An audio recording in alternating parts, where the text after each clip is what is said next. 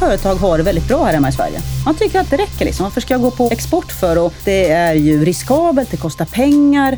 Men alltså, det är ju kul framför allt. Det kan ge pengar också om man gör det på rätt sätt. Jag ser ingen anledning till att inte försöka exportera om man har en produkt som man kan ta utomlands. Välkommen till ett nytt avsnitt av Business Swedens podcast. I den här podcasten pratar vi om hur svenska företag kan bli ännu bättre på att göra globala affärer. Och just idag ska vi prata om SME, Small and Medium Enterprises. Vi ska alltså prata om hur små och medelstora företag kan göra ännu bättre globala affärer. Mitt namn är Kristoffer Sköttqvist och med mig i studion idag har jag Helene Rönnholm. Välkommen! Tackar, tackar. Vad jobbar du med? Jag jobbar med de globala affärsutvecklarna på Business Sweden. Vi som sitter här i Sverige och förbereder bolagen. Jag läste i briefen här, du har en otrolig massa titlar här. Head Global Business Development SME and Going Global Initiative. Precis, för att vi jobbar med våra traditionella små och medelstora bolag. Men sen har vi också ett uppdrag där vi jobbar med startups och scaleups inom ett uppdrag som heter Going Global Initiative.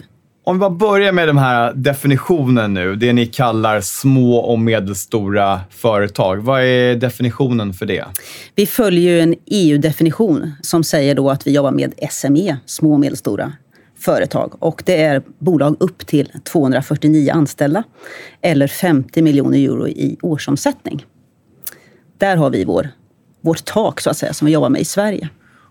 Och idag ska vi prata lite grann om hur de här bolagen kan få support, stöd och hjälp med att komma ut i världen och göra ännu mer affärer. Mm. Och framförallt inspiration. Spännande. Mm. Välkommen. Tack. Helene, Sverige är ju en relativt liten marknad. Eh, vi har ju 10 miljoner invånare. Vad är det andra för skäl man använder för att inspirera företag att gå ut på export?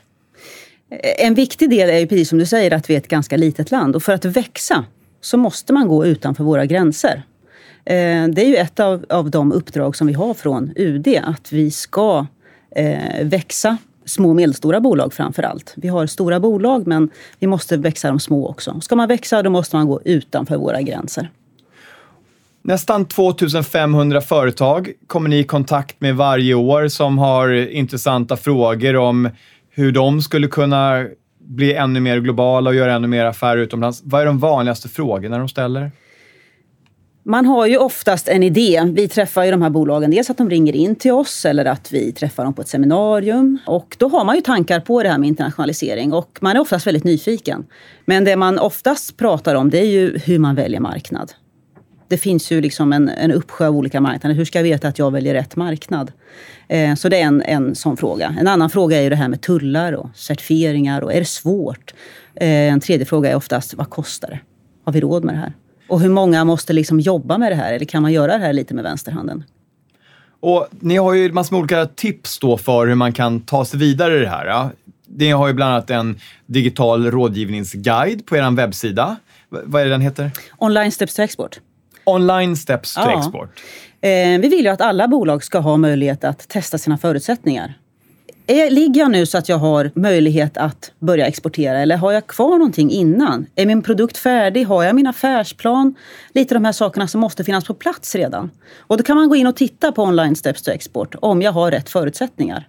Eh, man gör en assessment innan när man svarar på lite olika frågor och sen får man eh, förslag på vilka av de här modulerna som finns i eh, Eh, det här verktyget som man ska genomgå. Och efter det så kanske man känner att Nej, men nu har jag ganska bra koll. Det jag skulle vilja ha hjälp med nu är ju egentligen kanske finansiering. Och då finns det ju eh, olika aktörer här i, i Sverige, EKN, SEK, Almi, som kan stödja med finansiering. Och då kan vi peka på vem man ska kontakta beroende på var man sitter i Sverige. Så om jag tar den här digitala guiden och så får jag en känsla av att det här verkar superspännande, det här mm. vill vi göra, antingen av finansiella skäl eller av något annat skäl, att vi vill gå ut i världen. Mm. Då ska jag då välja marknad. Ja. Då behöver jag ju experter från säga, hela världen. Men hur gör jag den analysen? Eller hur hjälper ni företag att göra den analysen? Mm. Vi har ju då globala affärsutvecklare som stödjer bolagen. Och, eh, de här personerna i mitt team de är ju, har ju en enorm erfarenhet av export sedan tidigare. Många har jobbat i bolag, varit exportchefer, VD, så att de har ju en bra förförståelse för hur du som företag känner dig när du sitter där och funderar på vad ska jag gå vidare. De har själv gjort fel, de har, det har gått snett och de har lyckats och allt möjligt. Och det är väldigt viktigt för förförståelsen. Så att vi har tagit fram en process, vilka olika steg man behöver för att lyckas med sin export. För att det vi vill är ju att du ska hitta rätt och lyckas. Det är ju liksom det som, som, eh, som Business Sweden hjälper företag med egentligen. Eh, och eh, om vi då säger just att välja marknad, vilket oftast är kanske någon av de första frågorna, så har man ju en hel del kriterier för var man vill någonstans. Vad man har för produkt. Vad är det jag vill någonstans? Jag kanske redan exporterar till någon marknad idag. Och det här tycker jag är bra, de här grejerna tycker jag är bra, men det här vill jag lägga till. Så att det är viktigt att man liksom har lagt upp en, en kriterielista innan man träffar oss lite grann. Vad är det som är viktigt för mitt företag, för mina produkter?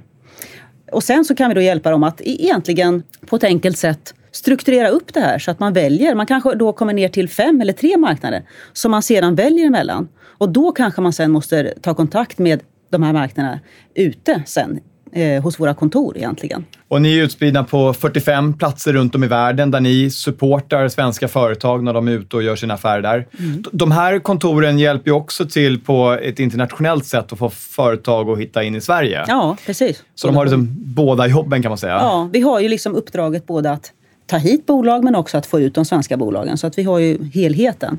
Och det är det som jag tycker är intressant just med, med vår verksamhet och som global affärsutvecklare. Att vi är ju lite grann början på den här processen. Att vi hjälper bolagen här, förbereder dem och sen när de står där redo med ryggsäcken och liksom ska ut över gränsen. Då kan de ta kontakt med ett av våra kontor. Eller någon annan aktör för den delen också. Men att vi kan hjälpa dem hela vägen ut tills man börjar på en marknad, etablera sig där. Och sen kan man komma tillbaka till oss och diskutera, nu vill jag gå vidare till nästa marknad. Och då kan man diskutera förutsättningslöst en ny marknad. Och så fortsätter man ut där. Så tanken är att vi kan hålla dem i handen hela livstiden egentligen. Jag är ju själv entreprenör och mm. har startat fyra, fem företag. Direkt när jag börjar tänka på export så tänker jag sådär, åh, man kanske ska gå in i Norge, men åh, de är så annorlunda där. Hela målgruppen är annorlunda. Jag kanske ska mm. gå in i Danmark. Nej, jag har ju hört att de är så jäkla hårda på att förhandla om avtal och att de är en sån trading nation, så det är svårt att liksom göra, göra bra affärer där. Och, och sen så eh, Finland, nej, där kommer språkförbistringen vara för svår. Och där mm. någonstans har jag blockerat mig. Eh, och så väljer jag så här, nej jag stannar kvar i Sverige. Hur, hur tänker... Eh... Se det som, eh, som en krydda istället. Det är ju jättekul att komma och träffa andra kulturer och jobba med. Det är klart en utmaning, för det är annorlunda. Men tror du att många företag blockerar sig bara genom att titta på de närmaste grannländerna? Det kanske är ännu lättare att gå in och göra affärer med ett europeiskt land någon annanstans eller gå och göra affärer på andra marknader? Så jag tycker det där är lite gammalmodigt att se det så. Eh, jag tycker att eh, det där hade vi kanske för 10-20 år sedan. Då tyckte man att det var läskigt att gå utomlands för man var rädd för språk och sådana saker. Men idag när vi träffar bolagen, alltså det, många är ju välutbildade, har rest mycket, har jobbat utomlands. Den kulturella delen tycker inte jag är det som är svårigheten idag. Eh, utan här är det mer de här små detaljerna lite granna eh, som man pratar om. Men jag tycker inte man är rädd att gå ut bara för att det finns en annan kultur. Jag tycker att det finns ett intresse av att, eh, och också lite så här att klicka av i boxen att yes, vi har gjort affärer i Ryssland. Det är ni. Det är lite tufft. Jag tänker också att det är många företag som hamnar i exportsammanhang lite ofrivilligt. Faktiskt att folk mm. hittar deras online-affärer, att folk köper deras produkter och helt plötsligt står man i ett läge där man har fått stor efterfrågan från ett annat land. Mm. Mm, absolut. Det är, idag i den globaliserade världen vi lever i så blir man ju kontaktad. Man står på en mässa till exempel och man träffar grannen där som föreslår att man börjar i Tyskland, vi jobbar där, det är kanonbra. Och sen börjar man där för att det lät ju bra. Eh, och det är viktigt ändå att man gör, återigen som vi pratar om, att göra hemläxan. Och titta också på vilka produkter har och vad är förutsättningarna. För det kanske är så att Tyskland funkar.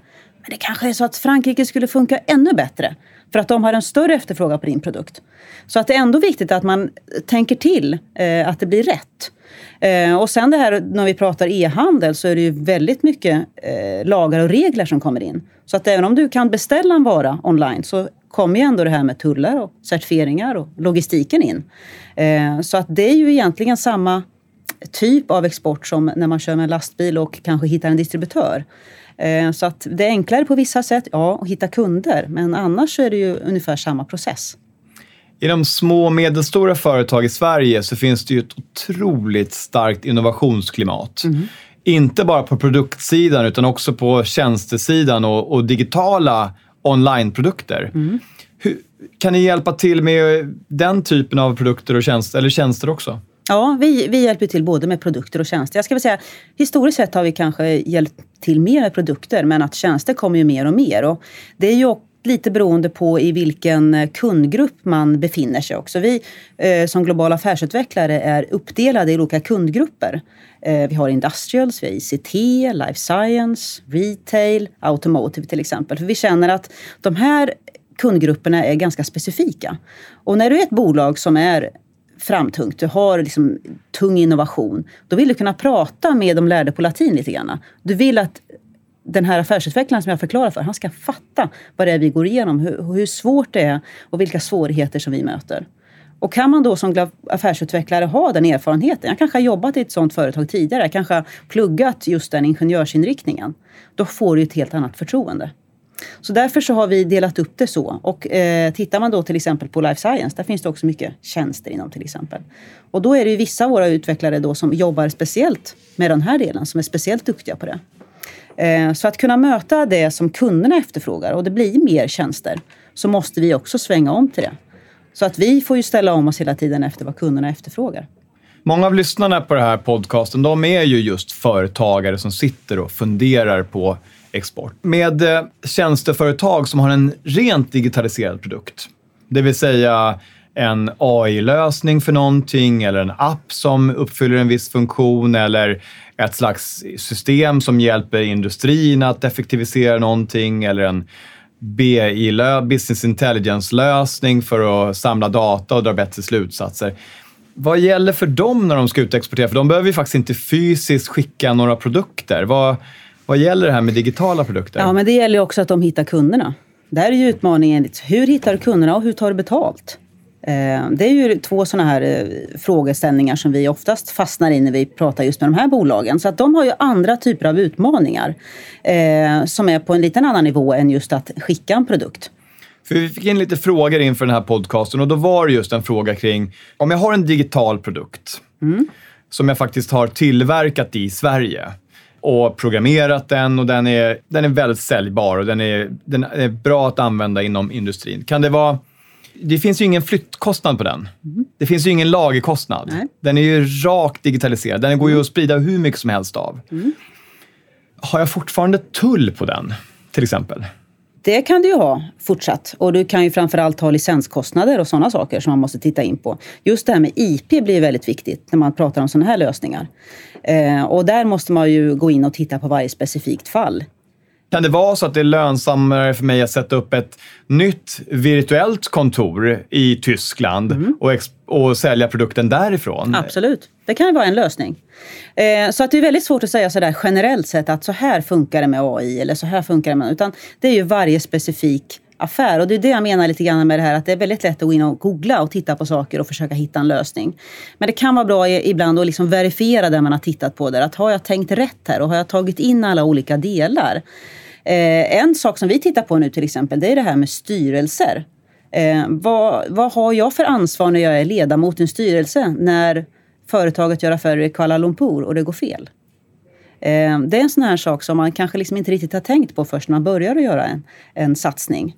Eh, så att vi försöker att vidga vårt scope lite grann med att ha mer olika moduler eller utbildningar att erbjuda för att det blir fler och fler komplexa frågor och företagen blir mer och mer kreativa får man väl säga. Eh, går vi tillbaka ett antal år, då var det liksom att man producerade, man hade en lastbil och så körde man över gränsen. Liksom. Men nu hittar man ju alla möjliga olika eh, vägar och då måste vi också hänga med. Men jag skulle säga att det är svårt att vara generell, utan jag vill verkligen liksom hjälpa varje företag och skräddarsy svaren. Ja, det känns ju som att ni har den perfekta ma matrisen där, nästan tredimensionell. Va? Mm. Det ena är ju eran regionala uppdelning i Sverige. Ni har ju ett team i eh, väst, öst, nord och mm. syd. Eh, där ni totalt sitter, eh, vad är det, 26 personer eller? Vi är 30 teamet. 30 vi är 30 teamet, ja. teamet och det har vi sagt att eh, man ska ju kunna nå en global affärsutvecklare var man än sitter i Sverige. Vi ska inte, man behöver inte sitta i en storstadsregion om vi säger så, utan vi har ju uppe i norr ner till, liksom, till syd. Eh, och det ska inte vara så långt att hitta en global affärsutvecklare. Sen finns det ju liksom digitala hjälpmedel, man kan köra möten via Skype och sådär. För det kanske är så att den utvecklaren som, som du behöver prata med kanske sitter i Skåne och du sitter i Skellefteå. Ja, men då får vi lösa det på ett annat sätt. För att det viktiga är att du får den hjälpen och den, det, vad ska vi säga, den diskussionen som du kräver. Så då har vi det lokala perspektivet i Sverige där vi kan få närheten till de här rådgivarna. Mm. Ja. Och sen har vi då er industriexpertis. Hur, och det berättade du tidigare att ni har den uppdelad i sex olika segment Mm. ungefär. Och de sitter ju spridda över Sverige så att säga. Så att vi kanske har en person som är väldigt duktig på gruv som sitter uppe i norr. Eh, som sitter i industrisegmentet där uppe. Men sen kan det vara ett bolag eh, mer söderut som har samma frågor. Men då kanske vi först kopplar in den här personen för att se, är det, är det den här personen som ska prata eller är det någon annan som är bättre lämpad? Eh, för alla har vi ju i teamet olika erfarenheter och olika fördjupningar som vi känner att ja, men det här, den här bollen den ska nog eh, ändå Gunnar ta. Just det. Och sen slutligen då så har ni då de här man kan nästan säga handelskontoren runt om i världen. Mm. 45 regioner där ni finns representerade med eh, ett svenskt team Ja. som då hjälper de här svenska företagen att göra kontaktnäten, eh, hjälper till med lokala avtal. Vad är det mer man kan få hjälp Hitta med? distributörer, kan hjälpa till med rekrytering, ja, kontorsplats. Eh, man kan göra due diligence. Alltså vi har ju liksom ett, en, en jättebred eh, tjänsteportfölj egentligen som, eh, som, där vi ska stödja vilket bolag som helst egentligen. Och det viktiga är att man känner att även om man tar kontakt med en global affärsutvecklare i Sverige så ganska så snabbt inpå när vi börjar titta på marknader och frågeställningar så ringer vi ju upp ett kontor så att man får prata med en person där nere och höra men hur funkar det nu då i Sydafrika. Vad är de här bitarna? Så att det är inte så att det är liksom stängda skott mellan Sverige och utlandet. Utan att ganska snabbt så kommer man in och det tror jag är väldigt viktigt för att, att man ska få den här eh, det förtroendet och få svaren att man kopplar in marknaderna ganska snabbt. Ja, I den här podcastserien så har vi intervjuat de här kontoren i Mexiko, i USA, i Mm. Tyskland, i Kina, i eh, andra APAC-ställen. Och då, då, då, alla de promotar ju såklart sin region. Men det känns ju väldigt viktigt också att få den här neutrala rådgivningen från början. Ja, det är lite det som är våran fjäder i hatten får jag väl säga, att vi är neutrala. Och det ska bolagen känna att när de kommer till oss eh, och diskuterar marknad, då är det inte så att vi har favoriserat någon marknad, utan vi tittar på förutsättningarna som bolaget har, eh, vad de vill, vad de har för produkt. Och sen har vi, som jag pratade om tidigare, en, en matris som vi liksom sätter in de olika kriterierna i.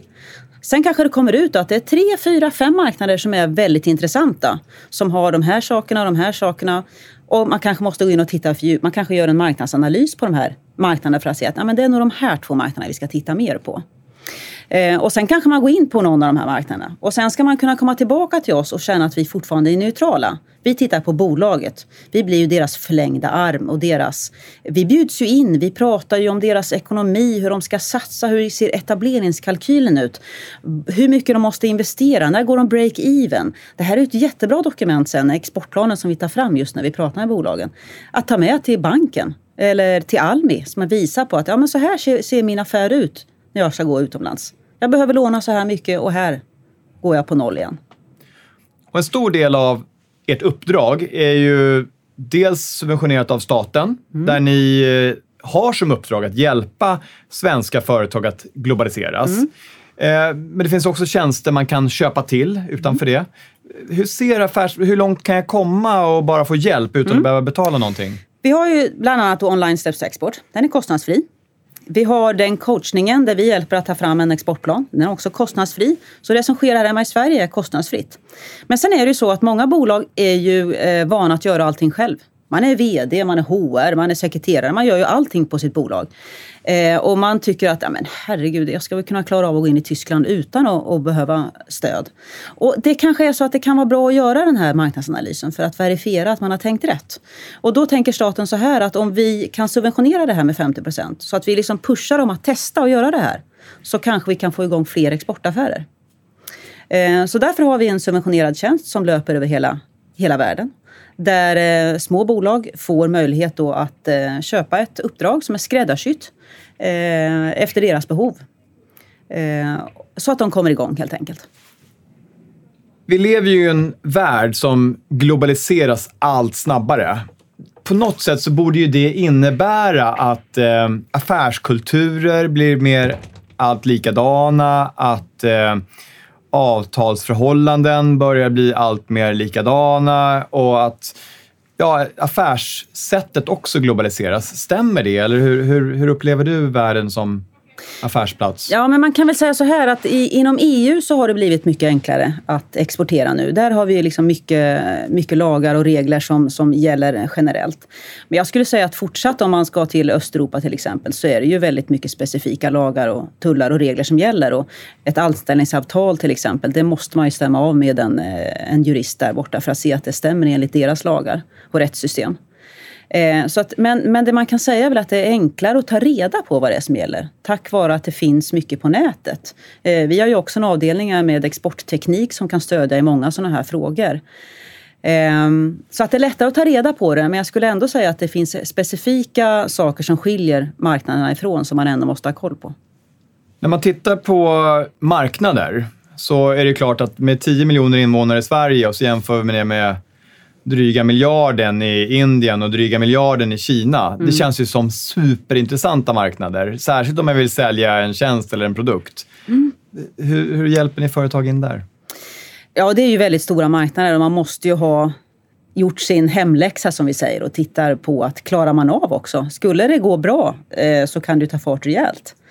Eh, så att eh, där det gäller att titta lite grann, vad har man för kapacitet här? Hur ser produktionen ut? Vad finns det för möjligheter? Så att man måste ju lite grann mätta munnen efter matsäck, tycker jag, eh, och titta på en marknad som passar mina produkter i det skedet jag står nu. Sen kan man ju alltid utveckla det vad det lider. Hade jag haft en digital produkt, då hade jag inte tvekat en sekund. Då hade jag ju verkligen velat få in den på den kinesiska eller indiska marknaden. Mm, men vilken konkurrens! Det får man ju också ta i beaktande att i de här marknaderna så är det ju kanske konkurrensen större mm. än vad det kan vara på en annan mindre marknad. Där det kanske är liksom lagom stort för dig som företag att växa. En annan sak som jag också vill poängtera är att naturligtvis så ska ju vi stötta bolagen och inspirera och hjälpa dem. Men vi har ett lika stort ansvar att säga nej. Att hallå, ni är inte riktigt färdiga än. Ni är inte klara med er affärsplan, ni är inte riktigt färdiga med er produkt. Utan vi skulle nog vilja att ni tittar lite mer på det här och kommer tillbaka om ett halvår. Och det känns ju superskönt, för det är ju den typen av besked som man skulle vilja ha som företagare. Att eh, inte behöva begå de här misstagen, utan ja. att få nej eller de här tipsen hur man kan göra annorlunda direkt ja. innan man gör det. Precis, och det är ju väldigt viktigt att gå igenom också just när man ska göra en exportaffär, att man, att man har ett kapital. För det kostar pengar att gå på export. Alla resor, certifikat, logistik och hela den biten. Eh, att man har med sig sin ledning, styrelsen. Att de säger att yes, vi ska satsa på bara vilket land det nu kan vara. Och att man har tiden. Att man har resurser som ska jobba med det här. För att det går inte att göra det här lite på kvällstid. Utan ska man göra en sån här satsning då kräver det att man har resurser som jobbar på heltid med det här. Helene, du har själv drivit företag. Ja. Och, och till och med startat ett bolag i Östeuropa mm. på 90-talet. Mm. Kan du berätta lite grann om det? Nej, men jag har haft eh, förmånen att få vara med och, eh, i början när två bolag har startat igång i Ukraina på 90-talet. Och det var ju naturligtvis att bryta ny mark. Eh, High Chaparral kan man säga. Kan du berätta vad det är för företag? Nej, men dels var det ett företag som gjorde ketchup i södra Ukraina. Mm. Jochmach? Eller vad heter de? Nej? Eh, Chumak. Chumak. Chumak heter Chumak. de. Och det bolaget finns kvar än. Det är jättestort, jättefint bolag. Ehm, eh, och det intressanta är ju på den tiden eh, att vara där nere när man bryter ny mark. Det är ingenting som fungerar. Eh, hur man liksom då kommer ner med liksom svenska tankar och ska liksom föda in det och få de som jobbar på eh, fabriken att tänka likadant. Eh, en enorm erfarenhet med, eh, med det vi gjorde där nere. Och ehm, det man tar med sig hem är att det funkar så himla bra här hemma i Sverige. Nästan lite väl bra, så att ibland när det funkar här hemma så, så reflekterar man inte över att man får in ett avtal eller att någonting funkar. Men där nere, man kämpar och kämpar och man får liksom inte igenom det här avtalet. Och sen när det väl går igenom, man står där med blod, svett och tårar och så det är sån känsla. Och när ni gjorde det, då ni exporterade inte från Ukraina utan ni Mm. levererade ju lokalt. Eller ni tillverkade och eh, efter, mätte den, eh, mötte den efterfrågan som fanns på den ukrainska marknaden. skapade en efterfrågan för ketchup i Ukraina som nästan inte fanns tidigare. Man hade en shashlik-sås tidigare som man jobbade med. Men ketchup blev lite nytt. Eh, var en produkt som eh, man nådde liksom till eh, alla, alla hem med egentligen. Men alltså hur fick ni den idén? Ja, Det känns inte som den första affärsidén man får i huvudet. Ja, vi åker ner till Ukraina, de har ingen ketchup. Vi åker ner, för det, det första jag hade tänkt på kanske var att ta svensk ketchup då och exportera det ner till Ukraina. Men det är inte det ni gör, utan ni åker ju ner dit men om du, om du tittar på svartjorden i södra Ukraina så förstår du förutsättningarna för att odla grönsaker. Jag förstår. Så är det. Det andra bolaget, vad var det för någonting? Nej, men sen var det ju en eh, flygcateringsenhet i, Ukra- i Kiev på internationella flygplatsen under LSG Skychefs där vi startade en enhet som eh, skulle leverera till de internationella bolagen. När man eh, har en bricka eller äter mat uppe på 10 000 meters höjd så får ju ingenting hända. Utan från slakteri till bricka så måste man ju hålla eh, kylkedjan. Och det är inte lätt när man pratar med en ukrainsk kolchos som inte ens har kylbil. Eh, utmaningarna på en flygplats med alla regler som finns internationellt sett med ukrainska bolag som vill in och kunna leverera där också. En oerhörd konkurrens. Kan du berätta om några av de misstag som ni gjorde som entreprenörer, där ni lärde er någonting verkligen?